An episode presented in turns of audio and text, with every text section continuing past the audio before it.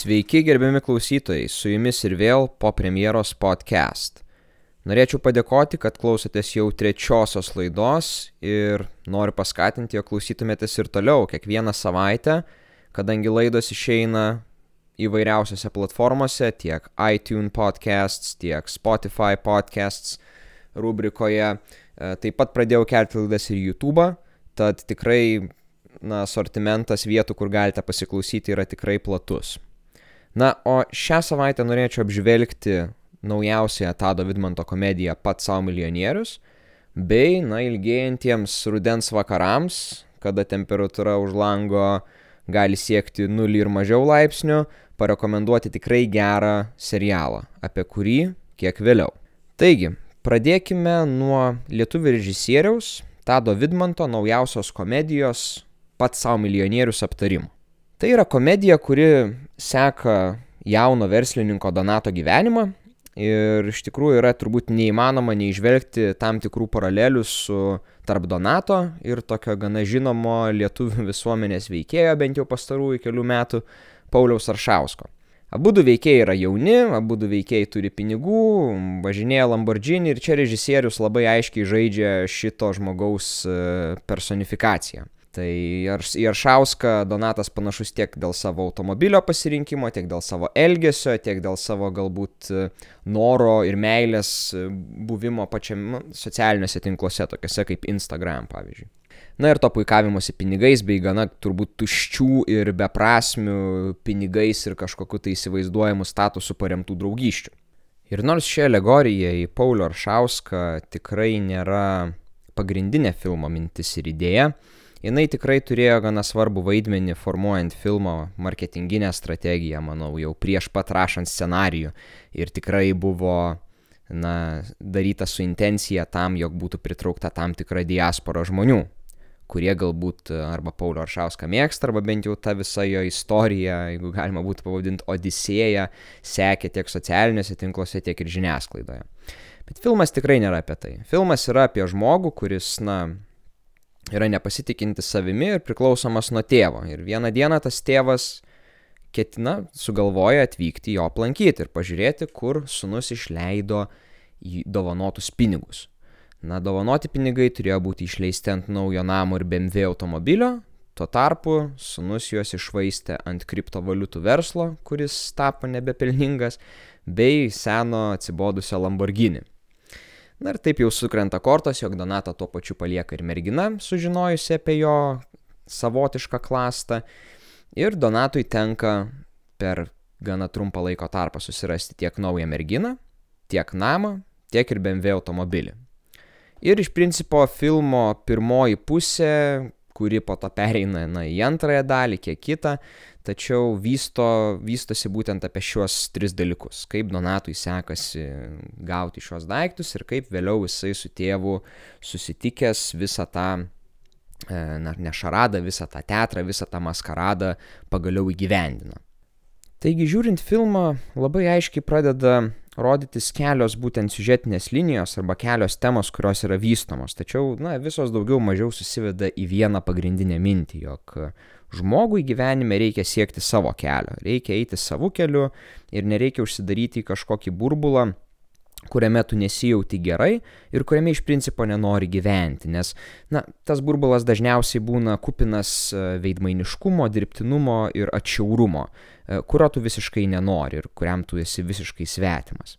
Ir galbūt verčiau iš tikrųjų yra valgyti pigų kebabą ir džiaugtis gyvenimu, nei vakarieniauti prie prašmatnėme restorane ir jaustis e, tarsi visiškai menkystai, nes, na, privalai atlikti kažkieno kito darbus ir privalai kažkam vis įtikti, o ne savo pačiam.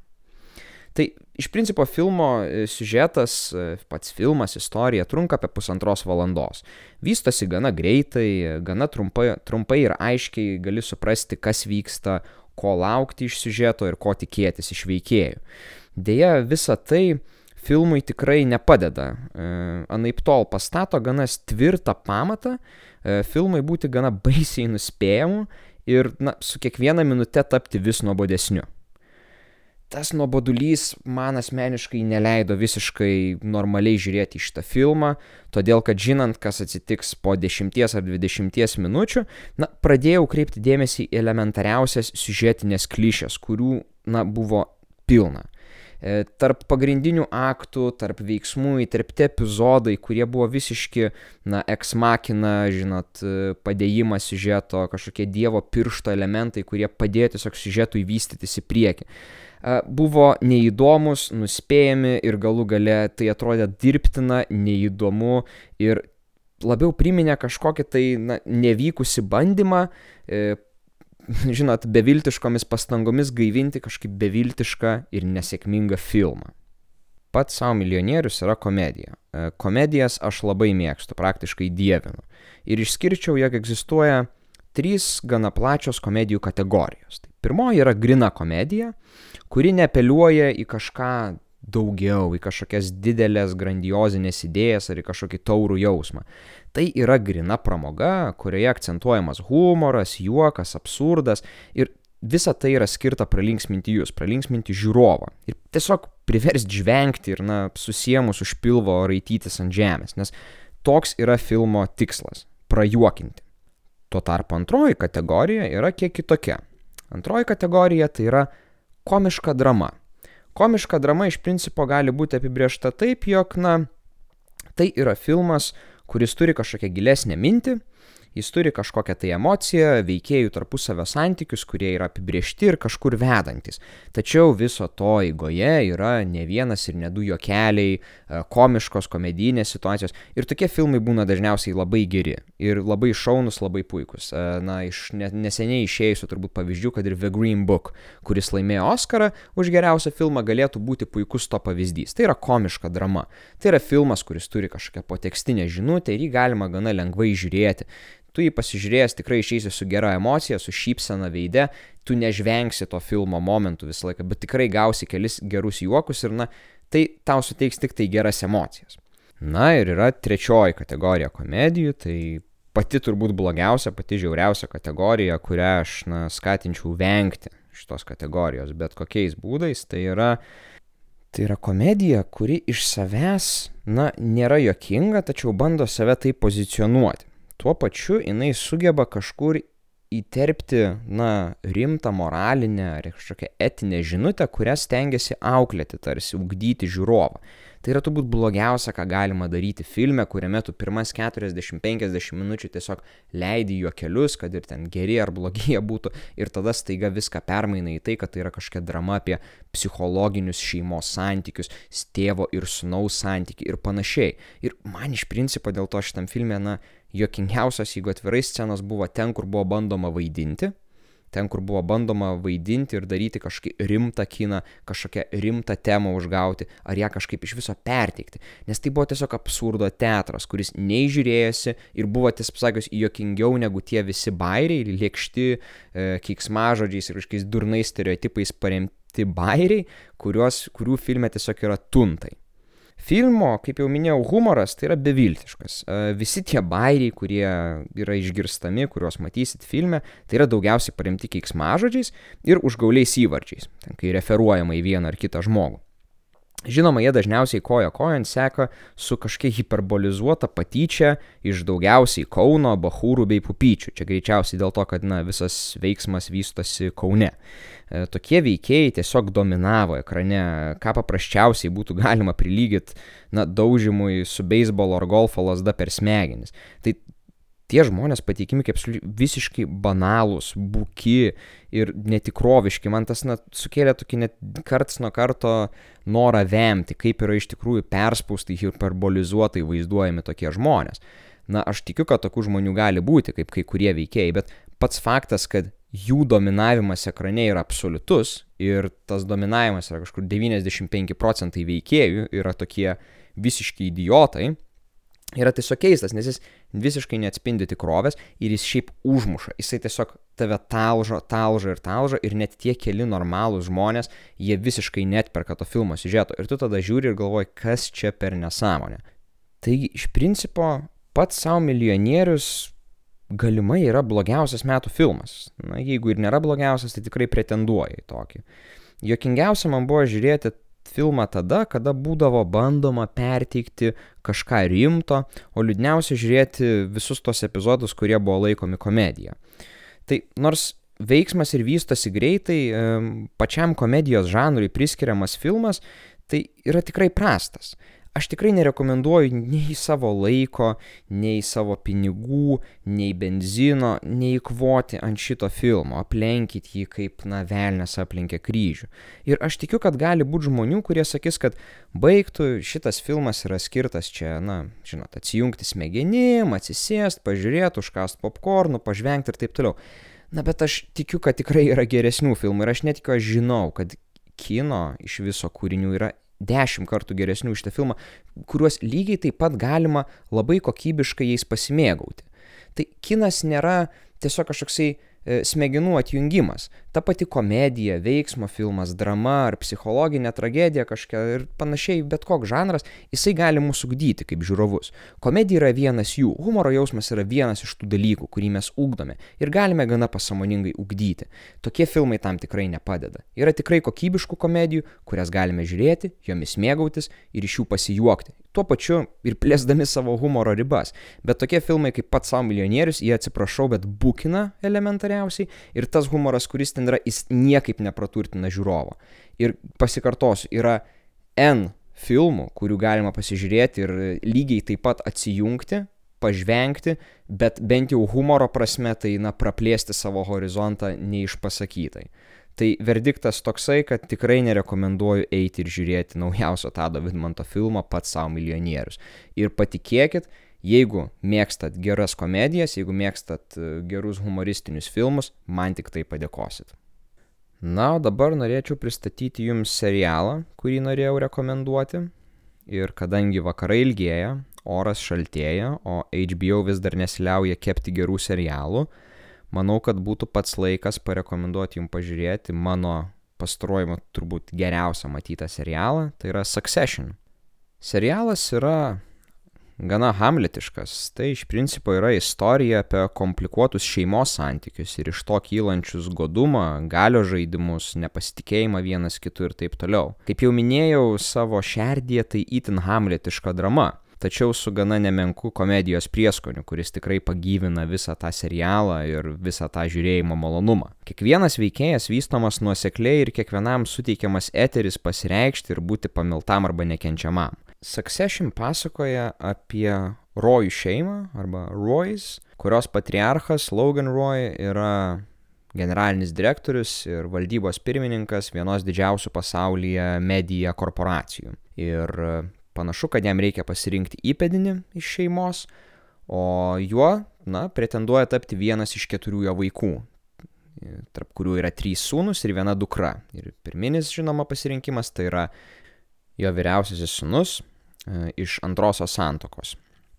Visgi, serialas prasideda, pradeda darytis įdomesnis tada, kada Lauganas patenka į ligoninę, gavęs infarktą ir šeima pradeda strateguoti, kaip reiktų perimti verslą iš jo rankų. Ir kadangi tėvas yra na, prastoje būklėje ir negali blaiviai mąstyti, net ir atsigavęs, e, prasideda gana intrigų, voratinklių pinimo istorija, kurioje iš tiesų vienas kitam veikiai bando perkasti gerklės ir e, užtikrinti savo valdžią ir savo autoritetą, na, visai šitai imperijai stebint, e, kas visgi užsibaigs sosto įpėdiniu ir kas visgi galų gale sėdės ir viskam vadovaus. Kiekvienas epizodas pateikia kažką naujo, viskas yra susijęta ir logiška, e, labai racionaliai vedama nuo vieno veiksmo prie kito. Visiškai nesijaučia kažkokio dirbtinumo ar epizoduose atsirandančių pritempinėjimų, e, kurie, na, skirti siužetui stumti pirmin viskas vyksta labai organiškai. Visų veikėjų draugystės, susipykimai, vaidai ir panašiai, viskas labai organiška, viskas labai susijęta ir viskas turi prasme, vietą ir laiką. Tam, kad siužetas galėtų judėti į priekį, tam, kad išliktų intriga ir tam, kad kažkas ateityje būtų galima tam, kad būtų galima kažką ateityje iš to vystyti. Visi veikėjai yra gana gerai išgryninti ir nuo pat pirmosios serijos kiekvienas jų turi savo roles, turi savo specifiką, savo, na, vidinį kompasą ir mes iš karto galime matyti, kaip jie yra apibriešti, ko galima iš jų tikėtis ir ko galbūt negalima iš jų tikėtis. Tiesa, serialo eigoje, kas yra įdomiausia, kad, na, kaip ir visose serialuose, mes pradedame matyti tam tikrus pokyčius, tą vadinamą angliškai character development, kaip, na, iš tiesų kinta jų požiūris, kinta jų principai ir tas yra labai įdomu matyti, kaip tai kinta, dėl ko tai kinta ir taip toliau. Aktoriai, kurie vaidina, yra iš tiesų puikus, tai yra labai rimta aktorių grupė surinkta, kaip jau minėjau, yra Brianas Coxas, kuris yra tikrai žinomas ir apdovanotas škotų aktorius, jį tikrai atsiminsti iš tokių filmų kaip Braveheart su Melu Gibsonu ar Troja su Bredu Pitu, vaidina ir Jeremy Strongas, kurio turbūt vienas žinomiausių vaidmenų būtų iš berods 2012 metų filmo The Big Short kuris buvo su Steve'u Kareliu, tai jis buvo tas e, analitikas, tas vadinamas number guys, kuris dirbo Steve'o Karelio įmonėje pas jį komandoje. Taip pat vaidina ir Makolų Kalkino brolis Kieronas Kalkinas, Tad tikrai aktorių kolektyvas, visa ta trupė, grupė yra labai puikus, kaip ir patys kuriejai. Tikrai daug garsių pavardžių, pavyzdžiui, serialo kuriejas Jesse Armstrongas, tai yra gana žinomas britų scenaristas, yra rašęs scenarijų britų komedijai In the Loop, taip pat ir tokiem serialam kaip Show, kurie tikrai yra žinomi dėl savo na, geros komedijos ir gero humoro užtaiso, kurį suteikia žiūrovams. Šalia to yra tikrai daug kitų garsių pavardžių, tokių kaip e, komedijų režisierius Adam McKay, kuris žinomas už tokius filmus kaip e, The Other Guys, e, jisai daug su Will Ferrellu vaidina, Anchorman yra jo filmas, The Big Short, Vice apie JAV viceprezidentą neseniai pasirodęs Dika Čeini. Tai va, Tuo pačiu tas pats Vilas Ferelis yra šito serialo produceris, tad komedijos, na, protų ir komedinio, na, apie komediją, apie humorą konsultacijų čia tikrai yra iš kur gauti. Ir tas humoro lygis, kuris yra vaizduojamas seriale, yra tikrai labai aukštas.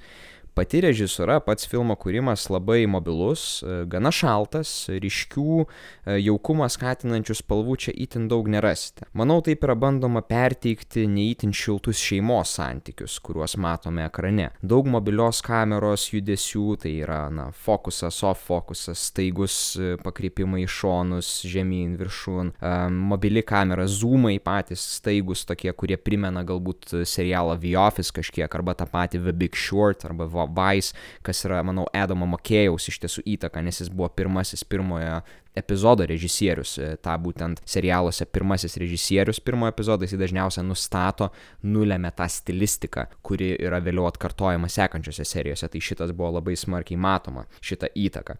Ir visa tai priverčia įsijausti tokį vidinį kiekvieno veikėjo sielos ir jausmų chaosą, kurį jie kiekvienas išgyvena. Būtent dėl to e, kokia jų yra šeima ir taip, kaip ta šeima juos sukūrė ir kaip juos apsprendžia.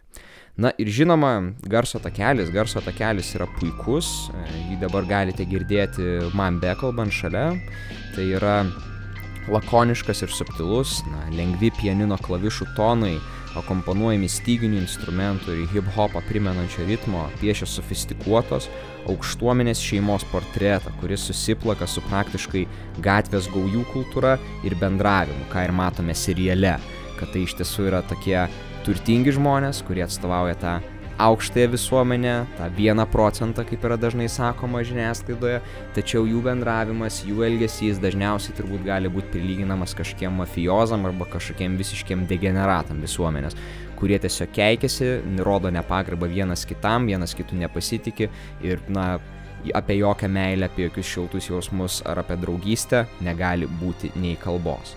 Iš principo Succession tai yra serialas apie pinigų ir valdžios ištroskusių žmonių iškreiptus portretus, apie tai, kaip jie pasaulį supranta visiškai jo nepažindami, užsidarę savo e, dangoraižiuose ir visiškai nesirūpindami tuo, kaip gyvena paprasti žmonės. Tai yra drama apie tai, kaip šeimoje santykius e, kurti ir brandinti yra svarbu, nes kitaip mes turėsime e, savidestrukcinius už, užtaisus, kurie bet kada gali susprokti bendraujant su broliu, sese ar tėvu, ir kaip iš tikrųjų yra svarbu nustatyti tam tikras ribas e, kiekvieno šeimoje, kad vėliau neatsirastų tokių hamletiškų dramų ir situacijų, kada tėvas yra bandomas išversti iš savo pozicijos arba vaikai yra žeminami savo pačių tėvų vardant to, kad būtų patenkintas vidinis ego ar tiesiog valdžios troškimas. Tai Succession tikrai vienas geriausių šių dienų serialų, būtinai rekomenduoju pasižiūrėti, yra išėjęs antras sezonas ir manau artimiausiose savo epizoduose tikrai recenzuosiu pirmąjį, antrąjį e, šio serialo sezonus. O dabar belieka palinkėti gero žiūrėjimo, būtent Succession. Iš savo pusės dar norėčiau palinkėti jums prenumeruoti mano podcastą tiek e, iTunes ar ten Apple podcasts, e, tiek ir Spotify, tiek ir YouTube kanalą, kad galėtumėte kas savaitę klausyti mano naujausių pamastymų apie kiną, naujausių recenzijų ar rekomendacijų. Ir belieka palinkėti jums gerų peržiūrų ir susitiksime po premjeros.